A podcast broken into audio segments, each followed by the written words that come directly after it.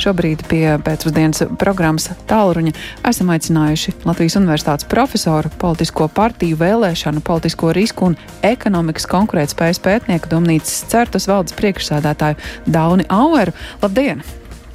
Labdien! Jā, zinot, ka biznesa augstskolā turība eksperti šodien diskutēja par jaunās valdības izaicinājumiem un spēju tos pārvarēt, un zinot, ka partijas jau vēl aizvien arī tikai turpina sarunas par valdību, kā jūs to vērtējat, vai šis process nav ieildzis? Es gan neuzskatu, ka ir ieildzis, jo, nu, pirmkārt, šis mēnesis, kā tas bija paredzēts satversmē, ir tiešām laiks runāt, saprast, nu, kādas ir tās iespējas, kādas ir tās pretrunas, nu, vai mēs vienojamies apmēram par vienu to iespējamo kandidātu, kas varētu veidot valdību, nu, kas būtu jā, galvenie spēlētāji. Kopumā es domāju, ka viss attīstās tādā, nu, pilnīgi pieņemamā tempā. Un es sevišķi, ja mēs skatāmies, nu, kas notiek citur, kur Eiropā, kur agrāk bija krietni lielāka stabilitāte, kad Latvijā bija tie no 90. gadi, kad bija ļoti grūti izveidot uh, stabilu valdību, valdības gāzās, jauna premjerministra parādījās, atkal krit un tā tālāk. Nu, tas pats tagad notiek Lielbritānijā, piemēram, vai kādā Itālijā.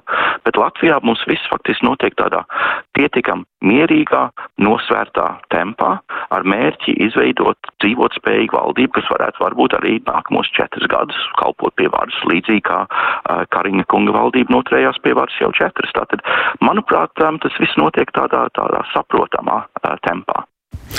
Kurš būtu tas brīdis, kad šīm sarunām vajadzētu finišēt? Nu, protams, novembris, es saprotu, ka novembra otrā puse ir, tā, nu, ir, ir tas moments, kad visticamāk varētu arī izveidoties valdība. Protams, ņemot vērā starptautisko krīzi, kādu visu pārējo notiekošo uh, valdībā arī nu, izaicinājumu, kas būs saistīti ar budžeta veidošanu uz nākamo gadu, gribētu, ka tā valdība tiek ātrāk izveidot. Bet realitāte, es teiktu, ka novembra otrais, otrā puse arī ir nu, pietiekami pieņemams uh, temps, lai izveidot valdību, kas ir vienojusies par lieliem, sarežģītiem strateģiskiem jautājumiem, uh, par to, ko būtu jādara nākamos gados. Nu, tas, ka šo procesu šobrīd vada, šķiet, ka vada Krišjāns Kariņš, nozīmē arī, ka viņš būs valdības vadītājs. Nu, nebūt, tas nenozīmē, ka viņš par simt procentiem būs, būs valdība vadītājs, jo varētu visādi līkloči vēl sekot nākamos mēnešos. Bet, ja mēs skatāmies uz nu, ticamību, tad jā, ticamība ir tāda, ka vienotība veidos valdību. Reālākais kandidāts šobrīd ir Kariņa kungs, bet ir arī, protams, citi iespējamie kandidāti. Ja nesanāk, nesanāk Kariņa kungam kādu nezināmu iemeslu dēļ izveidot valdību, ir arī mūsu ļoti pieredzējušais ārlietu ministrs Rinkēvičs, kura zināšanas un Eiropas pieredze būtu tik ļoti svarīga šī mm. starptautiskā krīzes laikā.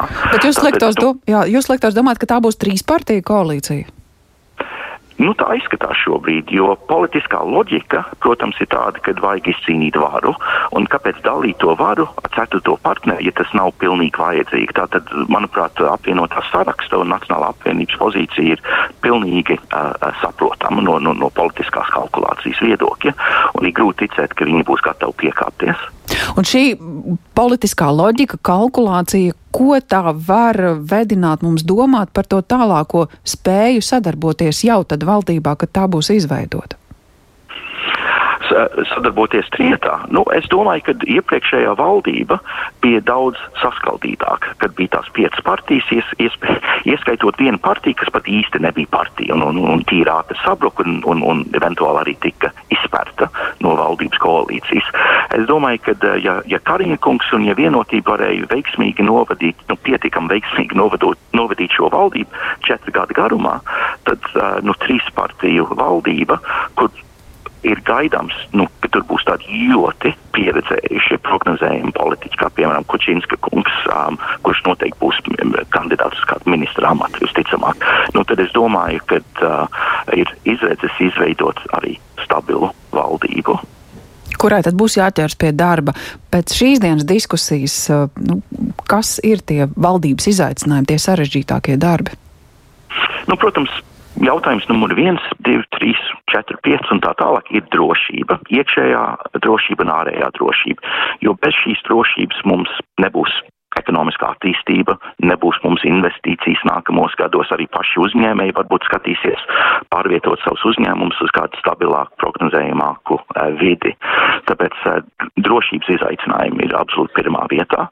Un tad mēs diskusijā vienojamies, ka visticamāk otrā un trešā vietā būtu uh, Tautsaimniecības attīstība, nu, kā vienmēr, izaicinājums mums ir kāpināt attīstības tempu. Kā zināms, mēs pēdējos nu, 15 gados esam sākuši nu, krietni atpalikt no Igaunijas un Lietuvas, un būtu pēdējais laiks mums mainīt šo attīstības scenāriju.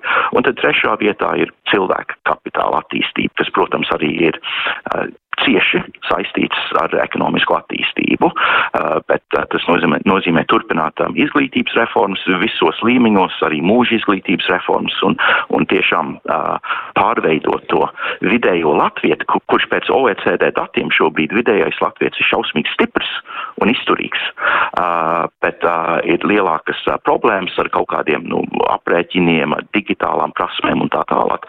Mums būtu pilnīgi jāmēģina mainīt šo vidējā latviešu tēlu uz to, ka, ka vidējais latvietis var, ir, ir gana stiprs, protams, arī nākotnē, gana izturīgs, bet tai pašā laikā prot arī izmantot savas uh, smadzenes un prot arī adaptēties digitālā vidē. Mhm.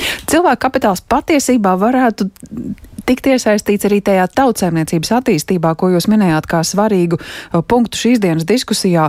Nu, ir idejas, ir ierosinājumi, kā tad mēs varētu panākt kaimiņus, uh, varbūt pat apdzīt, jo esam pamatīgi iepalikuši, bet īpaši darba jautājumi, nodokļu jautājumi.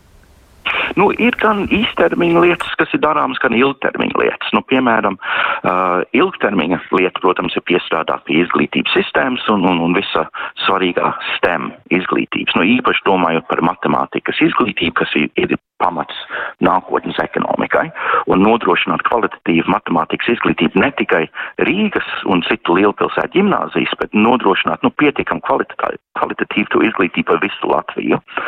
Tātad eh, būtu jāsāk varbūt ar, ar, ar tādu ļoti šauru fokusu tieši uz, uz matemātikas un STEM priekšmetiem skolas līmenī, bet tas, protams, atstās uh, efektu tautsaimniecībā ilgtermiņā. Nu, pēc 15, 20 gadiem, kad šie labi sagatavotie bērni sāk iet darba tirgu. Īstermiņā ir tāds, nu, nu piemēram, mēs varam padomāt par nodarbinātības valsts aģentūru, kas šobrīd principā strādā ar, ar, ar bezdarbniekiem, ar tiem, kam īsti kaut kas nav sanācis dzīvē, kaut kas nav sanācis darba vidē, un ka viņus tā kā, nu, palīdz viņiem atrast jaunu darbu, kādreiz palīdz viņiem arī uh, iegūt kaut kādas jaunas prasmes, kaut kādu jaunu izglītību. Nu, mēs varam skatīties uz Ziemeļvalstīm, kur nodarbinātības valsts aģentūra strādā ne tikai bezdarbniekiem, bet arī ar tiem, kas ir jau nodarbināti ar uzņēmumiem, palīdz nodrošināt to, ka šiem uh, darbiniekiem ir tās vajadzīgās prasmes ne tikai šodienai, bet arī rītdienai, kas, protams, arī palīdz uzņēmumam augt, uzņēmumam attīstīties, uzņēmumam konkurēt starptautiski. Un, kad eh, nodarbinātības valsts aģentūra varētu kļūt par tādu tā kā nacionālo um, uh, mūža izglītības centru un strādāt ar visiem uh, tiem, kas ir nodarbināti valstī, ne tikai tiem, kam ir nu, kā, notikusi kāda ķibela un kuriem ir grūti um, orientēties vai, vai atrast mm -hmm. kaut kādu jaunu uh, darbu. Tātad tā ir tāda pilnīga mentalitātes maiņa, bet kas varētu tiešām atstāt tādu nozīmīgu ietekmi uz uh, tautsaimniecību arī īstermiņā. Tāds reāls praktisks iegums. Jūs minējāt šos uh, trīs uh, darbības virzienus. Uh, kā jums šķiet, cik reāli, ka tas arī būs atspoguļots un ierakstīts uh, valdības darba programmā? Nu, es pieņemu, ka visi šie trīs jautājumi parādīsies uh, valdības programmā. Visvienkāršāk būs, protams, vienoties par drošību, jo visas trīs partijas ir atbildīgas, tur ļoti atbildīgi cilvēki arī partiju vadībā, un ir skaidrs, ka bez drošības, nu, tās pārējās lietas nesekos. Tātad es īsti ne, nesaredzu liels problēmas vienoties par iekšējo un ārējo drošības jautājumiem, bet kad iet runa par cilvēku kapitālu, piemēram, par nevien, nu, mums ir ļoti nevienlīdzīga izglītība valsts mērogā, nu tad šeit uzreiz sāk parādīties arī nu, kaut kāda pašvaldība intereses, un tad nu, apvienotam sarakstam varētu būt ļoti atšķirīga pozīcija kā jaunai vienotībai, piemēram. Mm -hmm. Un līdzīgi arī, kad mēs sākam runāt par ekonomikas attīstības jautājumiem, tad katrai partijai arī ir savi akcenti, savas intereses, un tur arī noteikti būs pišķītīgi grūtāk vienoties par kaut kādu tādu vienotu vīziju valstī. Paldies par šo sarunu. Latvijas Universitātes profesoram Domnīcas certas valdes priekšsēdētājiem Taunim Auvaram. Viņu bijām aicinājuši uz sarunu, lai interesētos par šīs dienas ekspertu diskusiju, kurā sarunas bijušas tieši par jaunās valdības izaicinājumiem un spēju tos pārvarēt. Drošības jautājumu, tautsaimniecības attīstība, cilvēku kapitāls - trīs būtiski darba virzieni, ko eksperti izvirzījuši.